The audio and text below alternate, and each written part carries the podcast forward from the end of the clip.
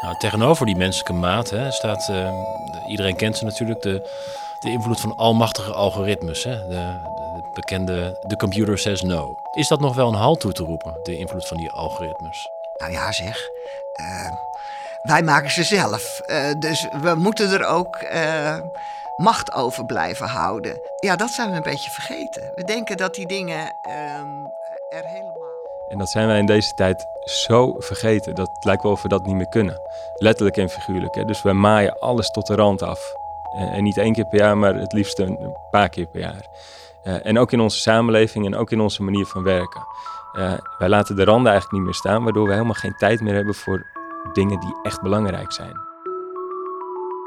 Hallo, ik ben Tim en je luistert naar Over Zuid-Holland gesproken.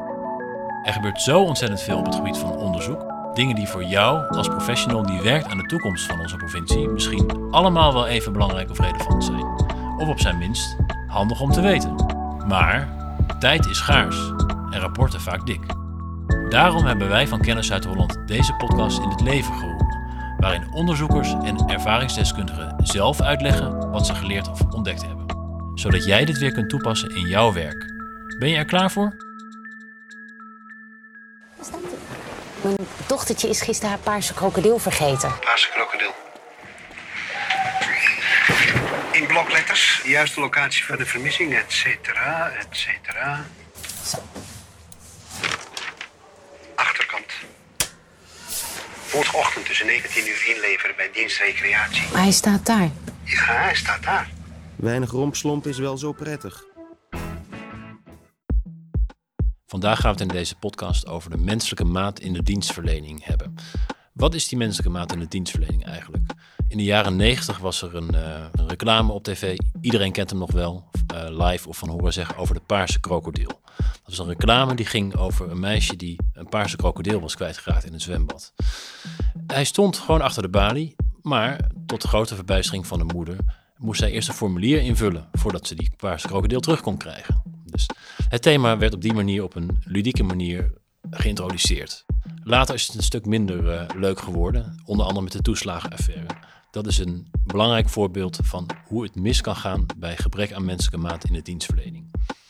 Toch eh, is het niet zo dat de menselijke maat altijd het antwoord is. Menselijke maat kan een antwoord zijn, maar de bureaucratie heeft ook weer voordelen. Dat is een soort spanningsveld en daar gaan we het vandaag over hebben in deze podcast. Ja, die paarse krokodil, dat was... Als ombudsman kijk ik daar op twee manieren. De gast is Adi Steehouwer, ombudsman van de gemeente Den Haag en Leidschendam-Voorburg. U bent ombudsman van beroep. Een beroep waar je best wel veel over hoort. Maar voor, even voor de mensen die niet weten wat dit inhoudt, wat doet u precies? Ja, het is uh, fijn dat ik dat iedere keer kan vertellen, want dat klopt. Niet iedereen weet uh, wat je doet. En het simpele antwoord is eigenlijk alle gedrag van medewerkers van overheidsinstanties, in mijn geval de gemeente eh, Den Haag bijvoorbeeld, al dat gedrag kan aanleiding geven tot vragen, tot klachten.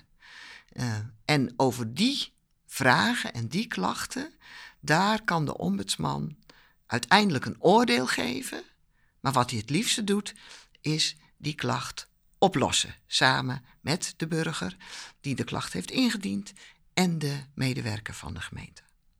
De gemeentelijke ombudsman is er niet alleen voor bewoners, maar ook voor bedrijven en maatschappelijke organisaties. Um, voor, voor wat voor soort klachten kunnen uh, bewoners en, en, instanties precies bij u terecht? Eigenlijk is het makkelijkste om te zeggen voor het gedrag van de medewerkers van uh, de gemeente, in mijn geval, waarmee ze te maken hebben gehad. Gedrag is, um, ik heb um, gebeld naar de gemeente en toen zei die mevrouw aan de telefoon dat ik morgen teruggebeld zou worden. En ik ben uh, gisteren niet teruggebeld. Dus nu, ombudsman, kom ik bij u. Wat fijn dat u er in ieder geval wel uh, bent. en ik, ik leg mijn klacht bij u neer. Ons antwoord is dan, uh, dat wij die klacht uh, eigenlijk eerst bij de gemeente zelf neer willen leggen. Uh, zo staat het ook in de wet geregeld, maar het is ook een praktische reden, omdat uh, ja, met mij bellen betekent nog niet een antwoord op je vraag die je aan de gemeente hebt. En dus um, vragen we de mensen om ehm, hun klacht kenbaar te maken aan de gemeente en stimuleren we ze om dat te doen. Ze zeggen, ja, dan bent u direct bij degene bij wie u wilde wezen. Als dat voor mensen moeilijk is, ehm, om wat voor reden dan ook. En dan zeggen we, nou, wij hebben ehm, betrouwbare contactpersonen bij de gemeente. Uh, en wij zullen die inschakelen om uw klacht zo snel mogelijk op het juiste bureau te krijgen. Juist. En als ik het goed begrijp, gaat het best wel vaak dus eigenlijk om de werkwijze of, of het gedrag wat u zegt van, van, van ambtenaren dan. En uh, gaat het ook vaak over formeel juridische aspecten of is dat. Uh, wat is de verhouding ongeveer? Nou ja en nee. Uh, ik ben heel lang uh, bestuursrechter geweest. Uh, daar kunnen mensen terecht als ze tegen een besluit van een overheidsinstantie bezwaren hebben. Maar als rechter ontdekte ik al dat die uh, bezwaren die ze hadden niet zozeer juridisch-technisch van aard waren. Ja, ze waren wel zo ingekleed, maar het ging er eigenlijk om uh, dat heel veel mensen teleurgesteld waren over de contacten die ze hadden met de gemeente. Dat ze eigenlijk wel begrepen dat ze niet voor die vergunning of die uitkering in aanmerking kwamen, maar toch wilden laten weten dat er uh, nou, iets misgegaan was in de dienstverlening.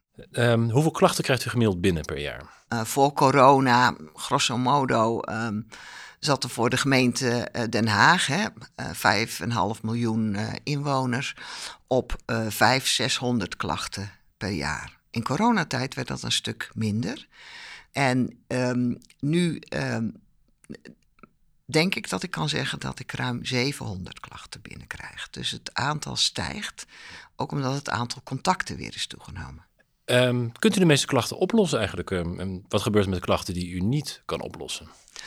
Nou ja, wij lossen gelukkig de meeste klachten op, omdat ze uh, vaak zo eenvoudig op te lossen zijn. Mm -hmm. uh, en eigenlijk bestaan uit allerlei variaties op het thema: uh, ik kom niet in goed contact met de gemeente. Want de gemeente heeft digitale formulieren waarmee ik iets kan aanvragen. Je kunt afspraken met de gemeente maken, eh, maar dat moet ook digitaal. Uh, en er is een uh, telefoonnummer. Is heel veel klachten zijn op te lossen. Ook al vertellen mensen wat ze dan allemaal aan de orde wilden stellen en wat ze wilden weten, zijn op te lossen door ergens een muizengaatje te vinden. Ik noem het vaak een ventiel. Op die digitale dienstverlening. Digitale inclusie is dus wel een, een belangrijk issue uh, uh, als ik u zo hoor. Um, ja, het betekent wel automatisch dat misschien wat oudere mensen en misschien met een iets lager opleidingsniveau, dat die dan uh, wat betreft klachten buiten de boot terecht te vallen. Is er een manier om daar iets aan te doen? Het gaat eigenlijk om drie groepen mensen die, voor wie die digitale vormen niet zo makkelijk zijn. De eerste zijn inderdaad mensen die om allerlei uh, redenen niet over een computer beschikken. Ik noemde al dakloze uh, mensen. Uh, en daar zitten natuurlijk ook mensen bij die gewoon het geld niet hebben voor een computer of te oud zijn om nog te leren computeren. de tweede groep mensen zijn de mensen die het wel proberen via die di digitale middelen, maar ergens vastlopen. En de derde groep mensen, dat zijn de mensen die überhaupt niet het idee hebben dat je over dingen die met dienstverlening van de gemeente te maken hebt, dat je daarover in contact kan treden. Ja, nou een mooi brugje naar uh, het, uh, het, klinkt er bijna als een mantra, maar meer menselijke maat in de dienstverlening. Hè? Dat, je hoort het overal. Um, ja, het is bijna een cliché. Hè? In, het, je kan er bijna niet op tegen zijn, lijkt mij. Uh, het wordt altijd een soort tegenstelling gecreëerd tussen de ene, enerzijds de bureaucratie en de menselijke maat. Is dat wel zo? Of uh, is dat een uh, te makkelijke voorstelling van zaken? Nou, zelfs uh, een ombudsman die heel veel klachten hierover hoort, die is het daar gewoon niet mee eens dat, die, dat dat een tegenstelling is. Die digitale dienstverlening is eigenlijk voor iedereen in onze samenleving een hele fijne manier om met ook de overheid in contact te te komen. Omdat ze dat ook voor allerlei commerciële dienstverlening uh, inmiddels gewend zijn. Dat is niet het probleem. Die menselijke maat, uh, die zou eigenlijk digitaal ingebouwd moeten worden. Namelijk op het moment eh, dat het niet goed gaat met het invullen van een formulier. Uh, neem maar de situatie dat iemand een formulier wil invullen uh, en uh, het lukt niet om een, een, vakje ingevuld te krijgen op de manier die je wilt. Of er komt zo'n uitklapschermpje met tien mogelijkheden en laat jij nou net denken dat je nog iets anders nodig hebt. En dan zouden de digitale dienstverlening gewoon ook een telefoonnummer moeten laten zien. Van u komt niet verder, uh, u kunt hier bellen en meer informatie krijgen. Eerder dit jaar uh, waren er uh, gemeenteraadsverkiezingen. zoals wel vaker de afgelopen gemeenteraadsverkiezingen hebben de lokale partijen zeer goed gescoord, ook in Zuid-Holland.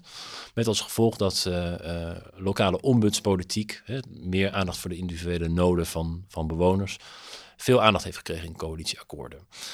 is het dit het moment om daarmee door te pakken in de dienstverlening? Of zitten er haken en ogen aan deze ontwikkeling? Uh, ombudspolitiek is inderdaad een interessant fenomeen. Uh, het heeft twee aspecten.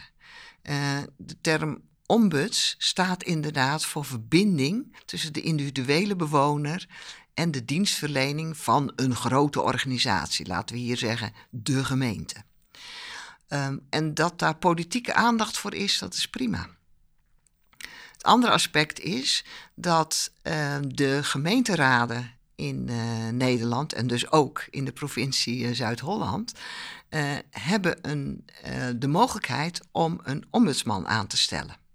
Daar hebben een aantal voor gekozen, zoals Den Haag, Rotterdam, een aantal omliggende gemeentes. Maar dat geldt eigenlijk voor iedere gemeenteraad. Je kunt hier speciaal een ombudsman voor aanstellen om die verbinding tussen de burger en de gemeente, de gemeentelijke dienstverlening, uh, op een goede manier tot stand te brengen. Is het ook het moment om de menselijke maat uh, voorop te stellen in het politieke bedrijf, in de uh, dienstverlening van de gemeente? ja, maar in de goede vorm. namelijk daar waar het nodig is en niet als eerste uitgangspunt. Nou, tegenover die menselijke maat hè, staat, uh, iedereen kent ze natuurlijk, de, de invloed van almachtige algoritmes. Hè? De, de, bekende, de computer says no. Dus dat uh, uiteindelijk een algoritme toch vaak bepaalt over uh, bepaalde meer gestandaardiseerde processen. Is dat nog wel een halt toe te roepen, de invloed van die algoritmes? Nou ja, zeg. wij maken ze zelf. dus we moeten er ook macht over blijven houden ja, dat zijn we een beetje vergeten. We denken dat die dingen um, er helemaal uh, een zelfstandig leven gaan leiden. En um, ik begrijp er niet heel veel van. Ik ben maar een jurist. Uh, maar het probleem zit niet zozeer in de algoritmes zelf, alhoewel je daar heel goed moet kijken hoe biased ze zijn. Um, of, ze, of je er elementen in invoert uh, die uh, op een verkeerde manier onderscheid maken tussen mensen. Maar ik heb mij laten vertellen door deskundigen dat het in het zelflerend vermogen van die algoritmes uh, zit. Uh, en daar weet ik, wordt nu in allerlei technische werkgroepen over nagedacht. Van hoe je die, de bias die daarin versterkt wordt, hoe je daarmee om kan gaan. En het is misschien een oproep aan juristen, aan mensen die niet van de IT eh, zijn, om daar meer interesse in te hebben. En ook uh, degene die met de ontwerpen van die uh, digitale dienstverlening bezig te zijn, om daar eens gewoon het goede gesprek mee te voeren. Algoritmes hebben een groot voordeel natuurlijk. Ze zijn kostenefficiënt en uh, ze hebben de, de schijn van rechtvaardigheid natuurlijk. Hè. meer menselijke maat kan ook een probleem hebben. Namelijk, uh, er zit ook een bias in het oorde beoordelingsvermogen van mensen. En uh, ze zijn ook niet kostenefficiënt.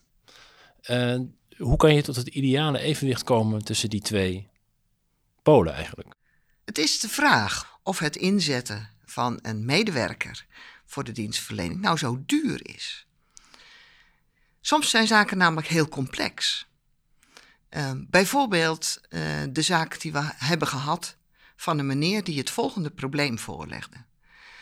Hij uh, wilde uh, graag vervoer voor zijn kinderen naar school. Dat was nodig omdat die kinderen ehm, door hun beperkingen naar een school een eind verderop moesten en niet gewoon lopend naar de dichtstbijzijnde basisschool konden. Maar de gemeente zei: ja, uh, u kunt best zelf die kinderen naar die school brengen. Want uh, daar hebben wij in principe geen regeling voor. Oh, zei die meneer, ik heb namelijk nog een probleem met de gemeente. Ik heb een uitkering en ik moet um, de komende tijd steeds beschikbaar zijn. Maar als ik ga solliciteren en zeg dat ik eerst mijn kinderen naar school moet brengen en ik dus pas vanaf half tien op het werk kan zijn, dan zegt iedere werkgever: nee, uh, voor jou een ander. En dan zegt de uitkeringsinstantie: u bent niet genoeg beschikbaar. Deze meneer heeft twee procedures doorlopen. Eén om weigering van schoolvervoer voor zijn kinderen voor elkaar te krijgen. De andere procedure over zijn beschikbaarheid. Beide procedures heeft hij verloren. Uh, hij was redelijk vasthoudend, dus hij heeft uh, bezwaar ingediend. Het is bij de rechtbank uh, geweest. En pas daarna, toen hij bij ons kwam, werd duidelijk dat hier twee dingen samen een probleem opleveren. toen hebben we contact opgenomen met de gemeente.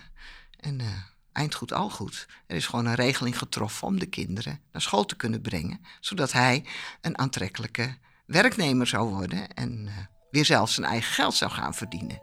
Nou, maak daar maar eens een rekensommetje van, hoeveel geld dat gekost heeft.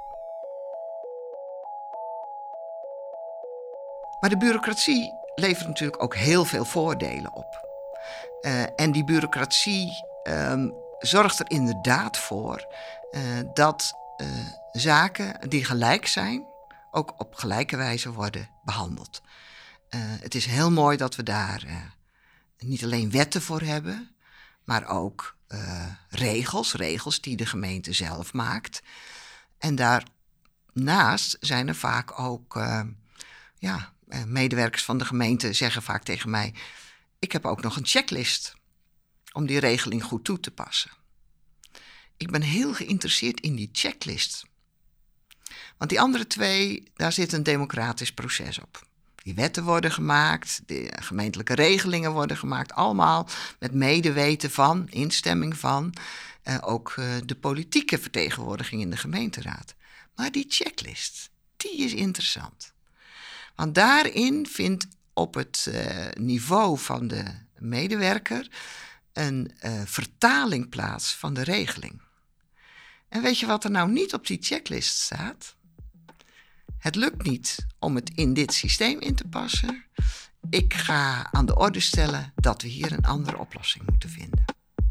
Morgenochtend tussen 19 uur inleveren bij dienstrecreatie. Maar hij staat daar. Ja, hij staat daar. Weinig rompslomp is wel zo prettig.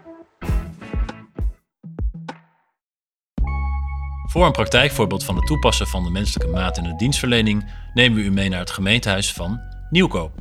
We spreken met Robert-Jan van Duin, hij is sinds 2020 burgemeester van Nieuwkoop. leuk dat jullie hier zijn en welkom hier op het uh, gemeentehuis van de gemeente Nieuwkoop. Bent u een nieuwkoper in hart en nieren? Nou, ik weet niet of je dat zo snel uh, wordt, uh, maar laat ik het zo zeggen, ik voel mij hier wel heel erg thuis.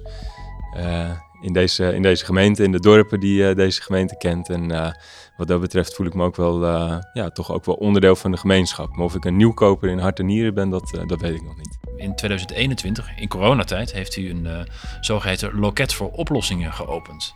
Nou, hoe, hoe werkt eigenlijk zo'n loket voor oplossingen precies? Als ik dit verhaal vertel, dan denken mensen vaak dat wij echt fysiek weer een nieuw loket hebben ingericht. En overheden hebben al vaak zoveel loketten. Hè? Je kan er overal wel, wel voor terecht, maar dat is het eigenlijk niet. Het is echt een manier van werken die heel oplossingsgericht is. Dus de, de titel zegt het al een beetje. Uh, en zo proberen wij als gemeente, wanneer mensen met een vraag komen, heel snel door te vragen uh, en ook uh, te doorzien wat eigenlijk de vraag achter die vraag is. Dus ook als mensen met in onze ogen misschien een heel gek iets bij de gemeente komen, hier in het gemeentehuis aan de balie komen en bijvoorbeeld zeggen mijn wasmachine doet het niet meer, dan is het ook belangrijk dat een medewerker snapt van ja, daar zit misschien wel wat achter. Hè? Want waarom kom je daarvoor naar de gemeente? Kun je niet even naar je buren lopen? Uh, of kun je niet de telefoon pakken en een, uh, een monteur bellen? dan zit daar vaak een vraag achter die mensen misschien lastiger vinden om te stellen. En dat is het idee dat we daar ook op doorvragen en dat we daar ook de tijd voor nemen. En juist die tijd daarvoor nemen, dat is heel belangrijk. Veel gemeenten werken nog met, uh, met zo'n uh, groot handboek met servicenormen. Hè. Daar staat dan voor een gesprek aan de balie staat, uh, 30 seconden. Voor een telefoongesprek 40 seconden. Ik zeg maar even wat. Nou, dat, ik, ik vind dat echt een gruwel ik snap wel dat je uh, niet de hele dag de tijd hebt om uh, allerlei casus totaal uit te diepen. Maar de tijd nemen om even door te vragen. En om uh, mensen ook echt proberen te begrijpen, dat is zo belangrijk. en dan kun je ook mensen helpen met een stap verder naar een instantie. Of dat nou bij ons is of buiten ons ligt als gemeente. Die er wel over gaat en die mensen wel verder kunnen helpen. Dus dat is het idee. De gemeente Nieuwkoop is uh, een, echt een grote gemeente. 13 uh, kernen, uh, 92 vierkante kilometer. Dus dat is ook een behoorlijke oppervlakte. dus wij kunnen ook niet van iedereen vragen om hier naar Nieuwveen, waar het gemeentehuis staat, te komen. Dus we hebben uh, in, in Ter Aar nog een gemeentekantoor. We hebben in Nieuwkoop een uh, pand dat heet De Verbinding. Daar zit bijvoorbeeld ook het, het consultatiebureau. En daar kun je voor een heleboel andere zaken terecht. en juist daar vinden we het belangrijk dat mensen ook op een laagdrempelige manier naar binnen kunnen. Daar ook hun vragen kunnen stellen. en daar ook op dezelfde manier als hoe we dat hier doen. Dus loket 1, loket voor oplossingen oplossingsgericht verder worden geholpen. Uh, en dat, uh, dat zijn dus een, uh, een locatie of vier, vijf door de, door de gemeente verspreid, denk ik. Maar dan moet je bijvoorbeeld ook denken aan een, aan een bibliotheek, hè, waar we ook taallessen geven, waar mensen ook met hun, um, hun vragen terechtkomen. Maar ook op een hele andere manier um, naar de mensen toe.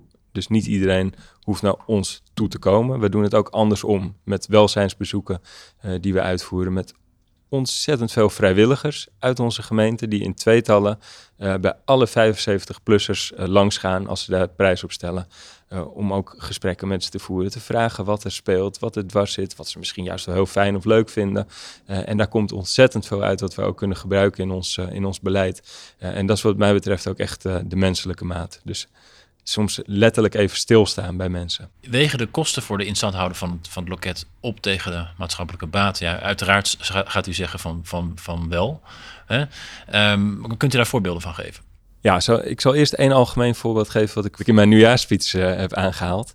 Uh, ik heb daar uh, gesproken over een heel, heel oud, oud gebruik. En um, uh, dat vind ik een, uh, ook een, uh, een mooi verhaal. Ik ken dat verhaal lang, lang geleden, speelde dat in een land hier ver vandaan, heb ik er ook bij gezegd.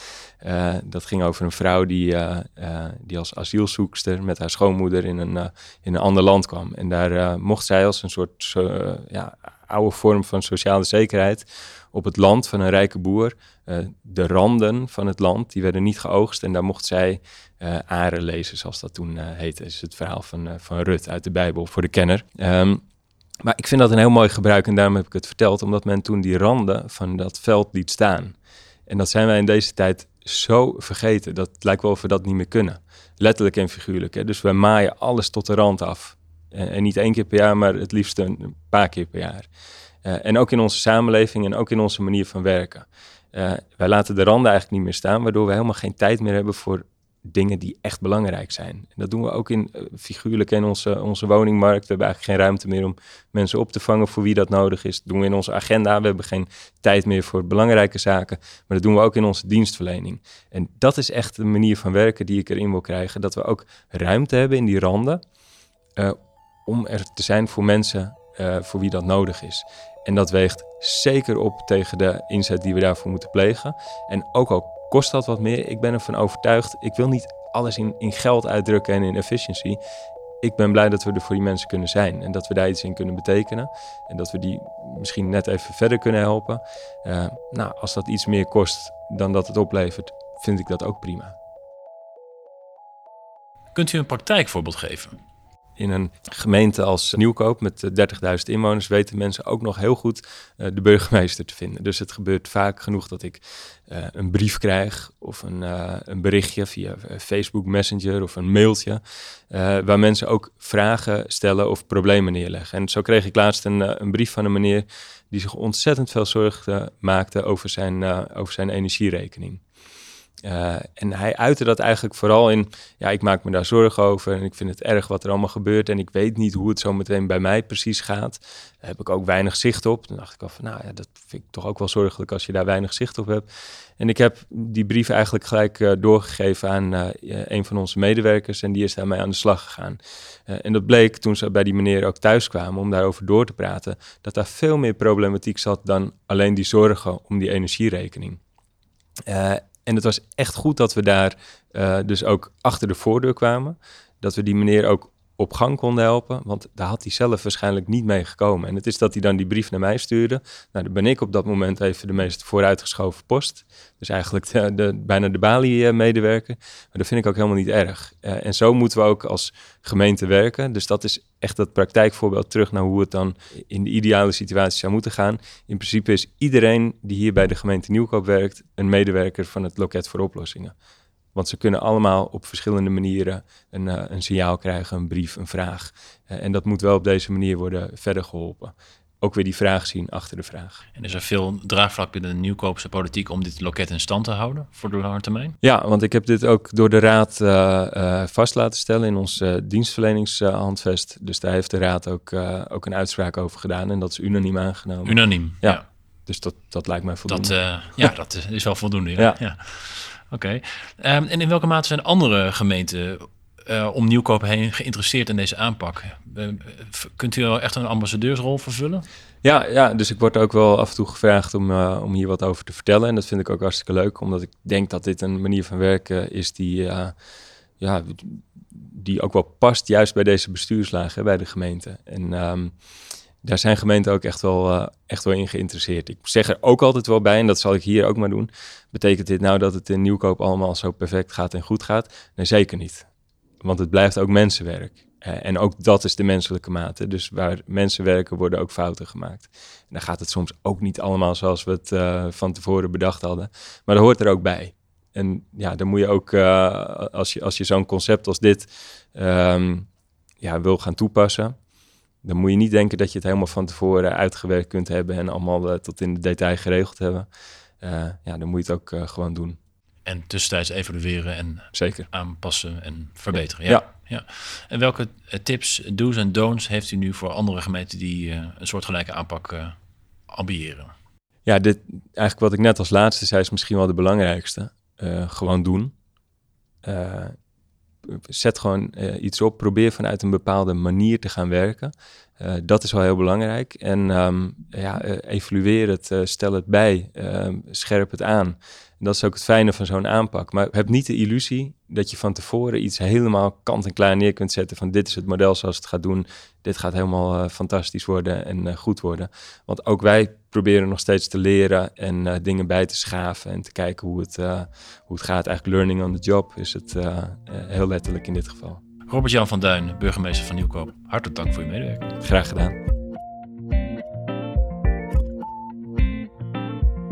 Je luisterde naar Over Zuid-Holland gesproken, een podcast van Kennis Zuid-Holland. Wil je meer weten over wat we doen en misschien met ons samenwerken? Neem dan eens een kijkje op onze site of mail naar kenniszuidholland.bzh.nl. Dank voor het luisteren. Tot de volgende.